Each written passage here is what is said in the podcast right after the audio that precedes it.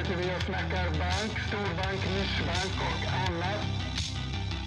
Bitcoin, blockkedjeteknik och kryptovalutor har exploderat. Under årets andra kvartal så har flera flertalet storbanker redovisat enorma vinster faktiskt. Hej och välkommen till Fintech-podden. En podd där vi pratar om innovation inom teknik och finans och där vi varje vecka djupdyker inom ett område. I dagens avsnitt har du med dig mig själv, Gustav. Och Johan. Och idag kommer vi att prata lite om vad vi har varit med om i veckan. Det är så att vi har varit i Amsterdam eh, på en av världens största fintech-mässor som heter Money 2020. Eh, så att vi tänkte lite kort gå igenom vad det är vi har varit med om där. Eh, prata lite om vad vi har sett. Och eh, det är ju väldigt många föreläsningar och extremt många av världens största och även många små bolag som är där och presenterar och säljer in sina lösningar. Och många så kallade thought leaders som, som har presentationer. Så att det tänkte vi prata lite kort om idag. Men eh, för de som inte alls känner till vad Money 2020 är, vad kan man säga att det handlar om? Det är ju en väldigt stor och många stor, stor mässa med många stora spelare. Mm. De beskriver sig själva som Europas största fintech-mässa eh, med 4-5 tusen besökare per år eh, och där minst en tredjedel är på C-nivå. Mm. Och, och eh, den här mässan finns ju även i, den har inte börjat i Europa utan den finns, startar väl i USA, så hålls den också i, i, i Asien. Mm. Och mm, något som kanske är, skiljer sig från vad vi brukar gå på är ju att det är mestadels äldre, seniora banktjänstemän som, som besöker den här mässan. Men eh, det vi såg nu var ju också att det är väldigt många nya eh, mindre aktörer. Visserligen som har fått mycket pengar av större aktörer. Och rent generellt kan man ju beskriva mässan som en blandning av eh, en traditionell mässa där företag ställer ut och har olika montrar och en hel rad olika presentationer som löper parallellt. Där det är fyra, fem olika aktiva spår, där varje spår har ett huvudtema, till exempel data security, open banking, payments, eller hur eh, stor, storbanker kan samarbeta med fintechs. Så det var ju en rad olika presentationer som löpte parallellt som man eh, mm. hade chansen att gå och springa mellan. Är det någon speciell presentation som du vill highlighta här efter de här tre dagarna? Ja, det är ju faktiskt svårt. Det var ju så mycket på en och samma gång. Varje, säga, varje kvart som gick, och vi var ju där i tre dagar, så har man kanske oh, mellan fem till tio olika presentationer att välja mellan. Um, men jag tyckte det var intressant att höra bland annat den här eh, killen från Lemonade eh, som pratade om framtidens försäkring. Och eh, det gick ju då upp för mig att det svenska fintech eller försäkringstechbolaget eh, Hedvig, att de är ju egentligen en liten de har ju gjort det som eh, Lemonade redan har gjort i USA. Så de har kopierat deras koncept kan man väl säga. Det är min tanke kring det i alla fall. Mm. Och han pratar ju mycket om hur hur försäkringsbranschen kommer förändras av AI och, och med mera. Och det var väldigt intressant. Um, annars hängde ju jag till ganska mycket på, på blockchain-scenen. Och eh, det var intressant bitvis och så, men jag för mig så kanske jag inte lärde mig jättemycket på den scenen. Eh, men, men du hängde ju en hel del på open banking-scenen. Mm, jag fokuserar ganska mycket på open banking och innovationsspåret. Eh, det var inte heller något så här direkt revolutionerande som presenterades, men det är väl mycket det här att PSD2 kommer komma i kraft i höst eh, och det är väl inte förrän då vi riktigt kommer att veta det här genomslaget av open banking i Europa. Eh, vad det egentligen kommer att bidra med och det var det som mycket diskuterades liksom. Eh, hur bankerna ska positionera sig själva, hur de ska ta ställning till olika samarbeten med olika fintechs. Eh, och en annan, ett annat intressant område som väldigt många diskuterade var ju det här hur bankerna framöver ska kunna attrahera rätt typ av talang och vad man behöver för att attrahera den här nya typen av talang, alltså tech-talangen. Eh, det var mycket fokus på hur man som storbank kan skapa rätt kultur vad behöver man tänka på eh, som företag då som man inte tidigare gjort? Och det var ganska mycket fokus på alla de olika spåren på just det här, liksom, hur man som storbolag eller storbank ska kunna attrahera den här tech-talangen som kommer att behövas framöver Mm. när vi rör oss från Eh, den här traditionella bankbusinessen med kontor till att bli allt mer digitalt eller kanske enbart bli digitalt framöver. Ja, men om- vi också tittar lite mer djupare där på open banking-spåret. Jag var ju också där en del. Det, det jag kommer ihåg är också att den här, det var en kille där från Accenture som pratade en hel del om hur världen inspireras av PSD2. Där han visar liksom i, i, på, på en fin presentation där om olika länders ny, nu pågående initiativ till att göra något liknande. Sen pratar vi också även om att det egentligen inte bara är eh, bank som bör eh, liksom drabbas eller eh, vad man, eh, bör regleras på det här sättet. Utan det finns också andra eh, områden som försäkring med mera som, som också borde få regelverk till att eh, gå, som tvingar en att gå mot mer datadelning och mer öppen, öppna affärsmodeller. Att det var många som tyckte det var orättvist, ja, att det enbart just nu i alla fall Ja. finns eh, det här regelverket inom bank. Och att det borde vara fler industrier som eh, där kan- drabbas där- av den här typen av regelverk. Där kan väl jag säga att jag tycker det är lite både och. Visst, försäkringsbranschen, eh, den, det finns väl ingen sådana regelverk överhuvudtaget. Och det skulle vara bra om det kom mer sånt. Eh, men däremot så tror jag att liksom våra dagliga transaktioner och så, det, det är någonting som är större än, än en, en försäkringskostnad som var en gång i månaden eller kanske en gång om året för vissa. Sen de nämnde också så här sociala medier och så, men, men det, är, det är ju branscher som är på ett helt annat sätt, tycker jag. Där, där man har eh, där man har många öppna API och, och där man har en helt annan typ av B2B2C-modell eller eh, där man redan har byggt plattformar och så. Det är ju det som har helt saknats i bank. Men jag förstår också vad de menar, att det, i och med att det har ju inneburit en väldigt stor eh, liksom, eh, belastning för många banker att de inte har kunnat göra det de vill göra för att de måste göra eh, efterleva regelverken. Å andra sidan så har jag hört, hörde jag lite andra snack i korridorerna där om att man, man vill ha ännu mer, vissa vill ha ännu mer regelverk på bankerna. Därför att de menar då att det enda sättet för dem att få dem att göra någonting är att skapa fler regelverk. Så att de tvingas att eh, utveckla sig, tvingas att liksom bygga saker. För annars händer ingenting. För att de, de har en sån position där de, där de inte behöver göra så mycket egentligen. Eh, en annan grej som, på tal om temat, var borta på blockchain-scenen. Så en kom ju Tink upp.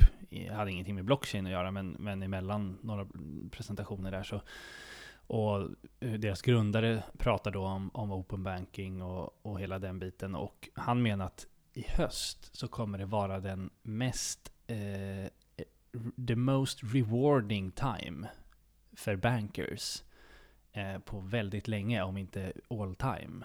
Och, och med tanke på PSD2. Och, så det är, det, är, det är hans syn och det är ju såklart, eh, det vill ju de. Det är ju jättebra för Tink och så. Men eh, jag tror att det, det kan bli så. De som är duktiga på att värva över kunder och visa att deras produkt är bra nu när, när man kan börja liksom eh, and, se andra appar via, Eh, eller se andra konton och betala via andra appar och så här. Om du samtidigt kan bli riktigt duktig på att försöka få över en kund att bli kund någon annanstans så tror jag att det kan vara det, det, det blir väldigt spännande att se.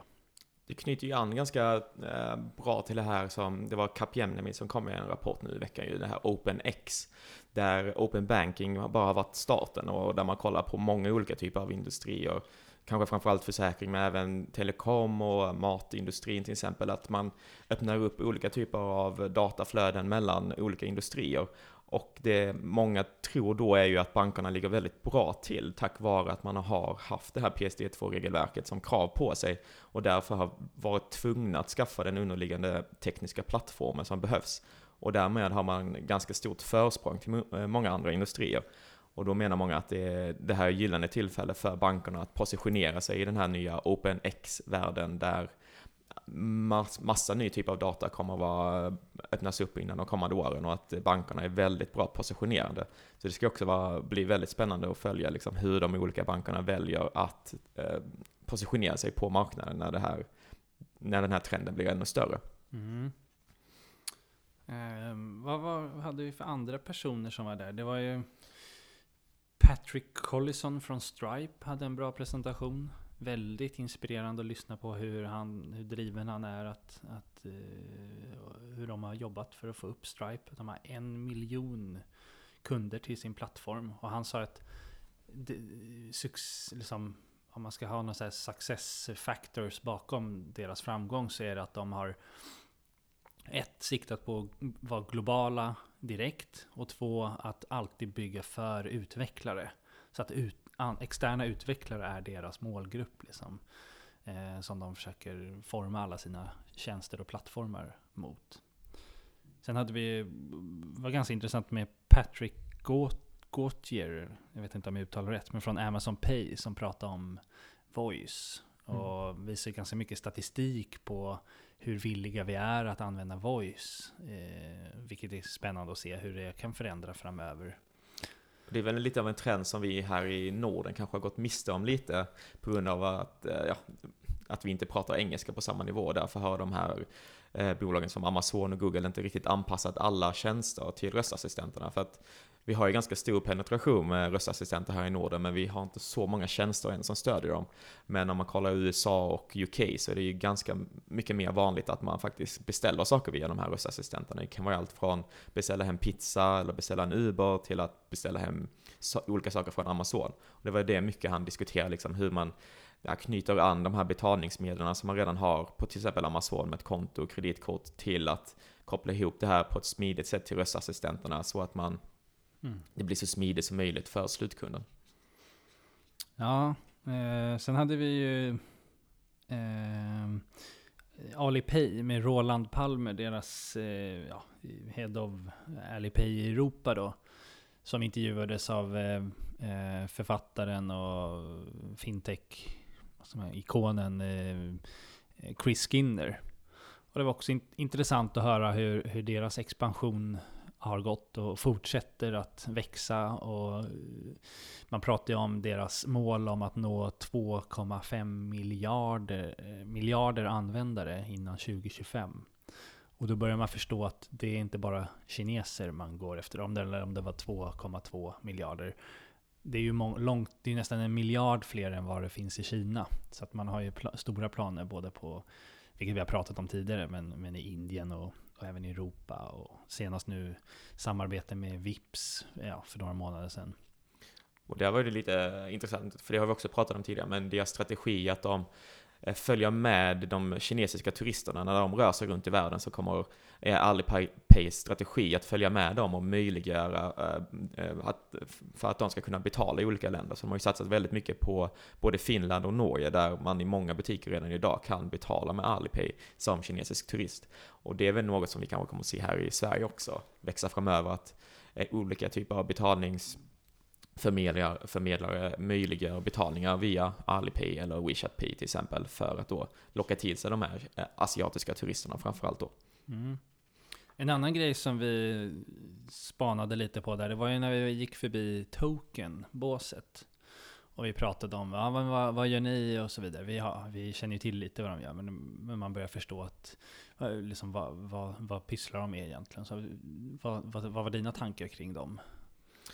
Ja, det var väl rent generellt kan man väl säga att det var en stor trend det här med aggregeringsföretag som kommer liksom satsa på att suga upp den här PSD2-datan. Blir det lite Tink? Ja, ganska likt Tink, ja. Tink eller Meniga som vi har pratat tidigare om, men att det fanns väldigt många mm, typer av företag som skulle fokusera på den här typen av aggregering, alltså suga upp data och möjliggöra eh, att skicka vidare datan på ett väldigt enkelt sätt. Och Token är en av dem då?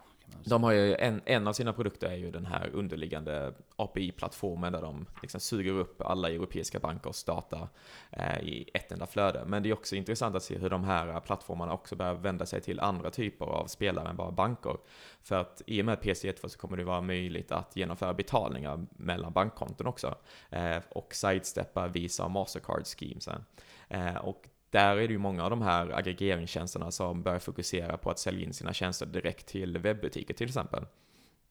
För att då använda egentligen PC2 API som betalningsmedel.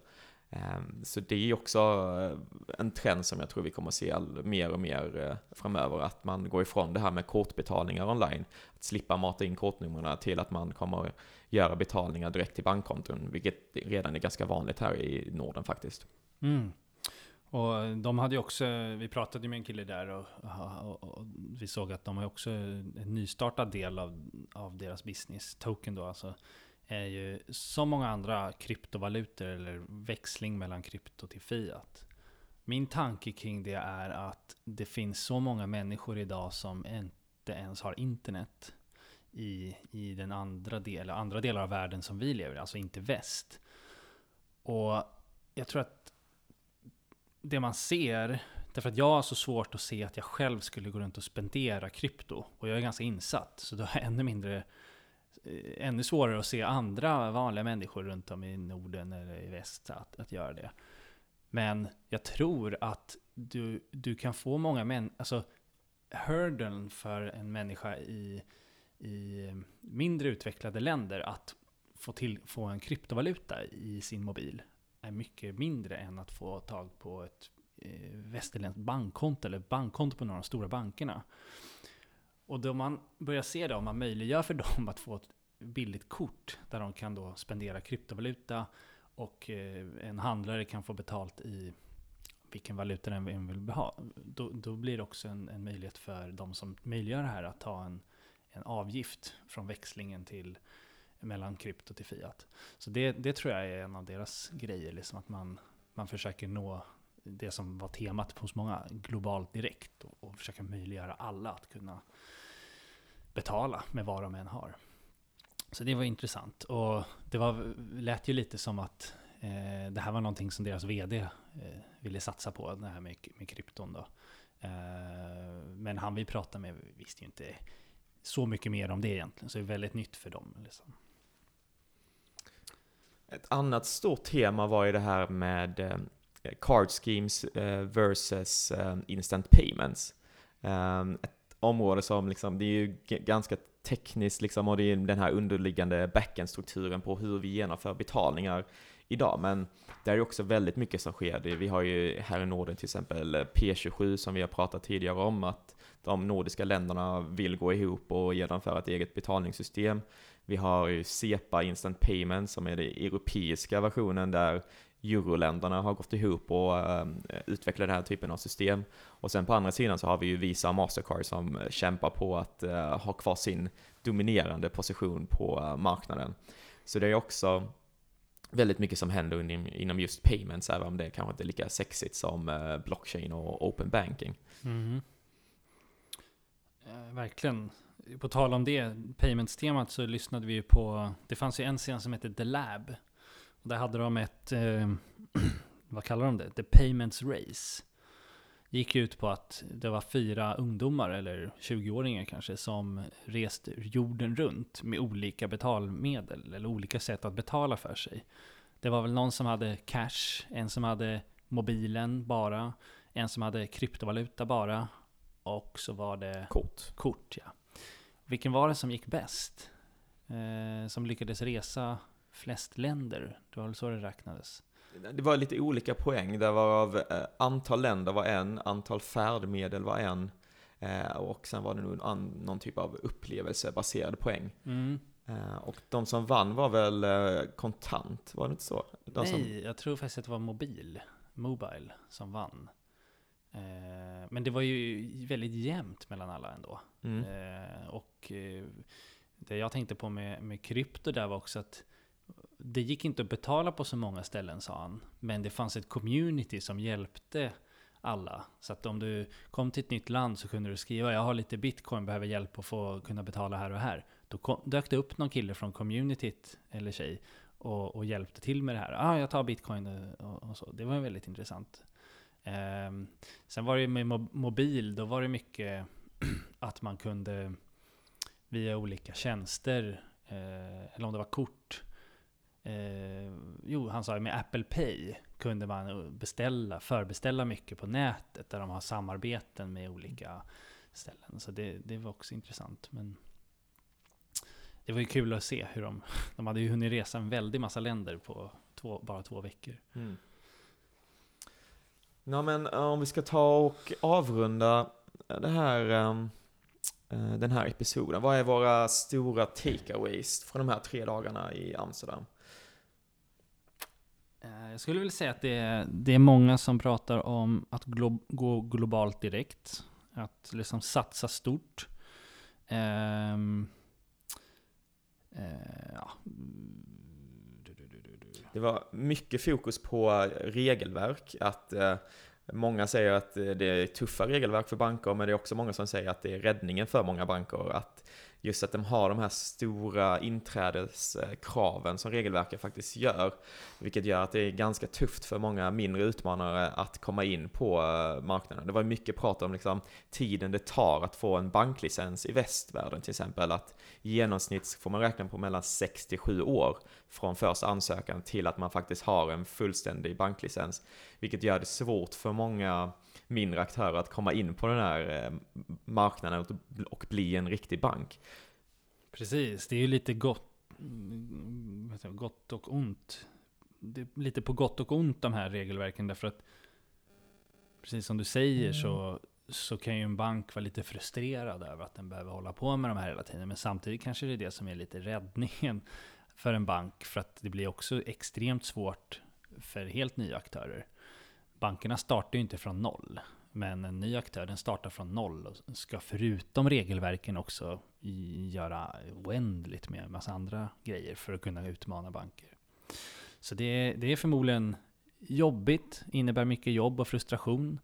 Kanske inte det alla banker vill jobba med, men det är också räddningen tror jag eh, för, för många banker. Mm. Och annars var ju Open Banking ett väldigt hett ämne eh, som fick mycket traction under de här dagarna. Eh, det man kan säga är väl att eh, majoriteten av bankerna känner sig själva ganska redo. Men eh, de har väl kanske inte riktigt anammat det här OpenX-tänket där de verkligen liksom går ut och samarbetar med externa aktörer. Utan det bankerna nu känner sig redo för är väl att de möter PSD2-kraven, vilket ja, är rimligt att de eh, ska göra. Men det är inte så många som har börjat tänka på nästa steg inom det här området. Så där kommer vi nog också få se väldigt mycket framöver. Sen så eh, att det var lite mer blockchain eller kryptobolag än vad vi tänkte oss eh, var också en spaning. Eh, det är också ett område som förmodligen kommer att växa väldigt mycket nu framöver. Um. Mm. Um.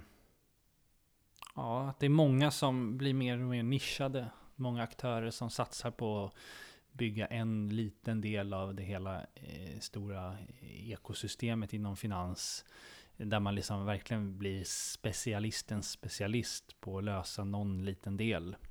Vilket gör det eh, svårt att vara en sån här stor eh, global spelare som löser allt. Mm. Eh, utan att man kanske får plocka ihop en liten verktygslåda av massa olika expertspelare då. Det är lite det här att man går från unbundling till rebundling. Att mm. Eh, man som storbank tidigare så gjorde man ju allting själv. Man hade egen IT-avdelning, man hade egen korttillverkning, man gjorde olika betalningslösningar till webbshoppar. Trenden vi ser nu är väl att bankerna börjar avyttra de här tjänsterna som kanske inte är riktigt deras specialistområden och istället tar in specialist fintech-aktörer för att lösa de här delarna och paketera det som ett erbjudande till sina bankkunder istället. Eh, och där har vi nog bara sett början kan man säga. Ja, men vi får väl ta och eh, avsluta det här avsnittet så. Men vi kan nog, det, fanns ju, det finns ju otroligt mycket mer att prata om det här. Så att vi kan ju försöka göra några avsnitt där vi, där vi djupdyker mer i vissa av spåren som vi lyssnade på. Eh, men med det sagt så tackar vi för det här avsnittet. Och eh, på återseende vid vårt nästa avsnitt som förhoppningsvis kommer inom kort. Eh, så ha det så bra så länge. Yes, ha det. Ciao. Ciao, ciao.